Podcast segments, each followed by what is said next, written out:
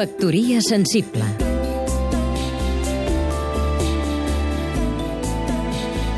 Oleguer Sarsenedes, periodista Des que Gutenberg va inventar la impremta al segle XV, el llibre que més edicions ha tingut, del que més exemplars se n'han imprès, és, efectivament, cap sorpresa, la Bíblia.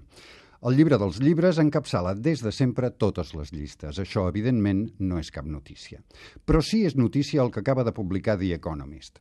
Segons el prestigiós setmanari conservador britànic, la Xina ha esdevingut un dels principals productors mundials de bíblies. Estem parlant de prop de 20 milions d'exemplars l'any en 90 llengües. Ho heu sentit bé, sí. Les bíblies que circulen avui pel món provenen, en bona part, d'impressors i enquadernadors xinesos.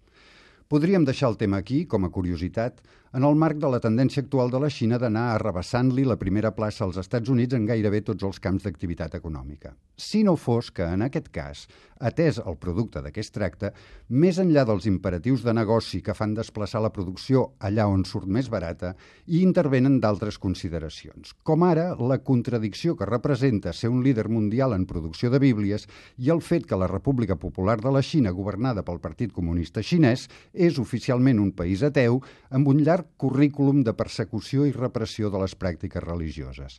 Va ser Karl Marx que va dir allò que la religió és l'opi del poble. Però mana l'economia. En qualsevol cas, és d'esperar que no acabem descobrint que les condicions de treball dels que imprimeixen i enquadernen bíblies a la Xina són infrahumanes i que hi treballen nens i nenes de sol a sol. Només li faltaria aquesta al nou papa. Factoria sensible Seguim-nos també a catradio.cat.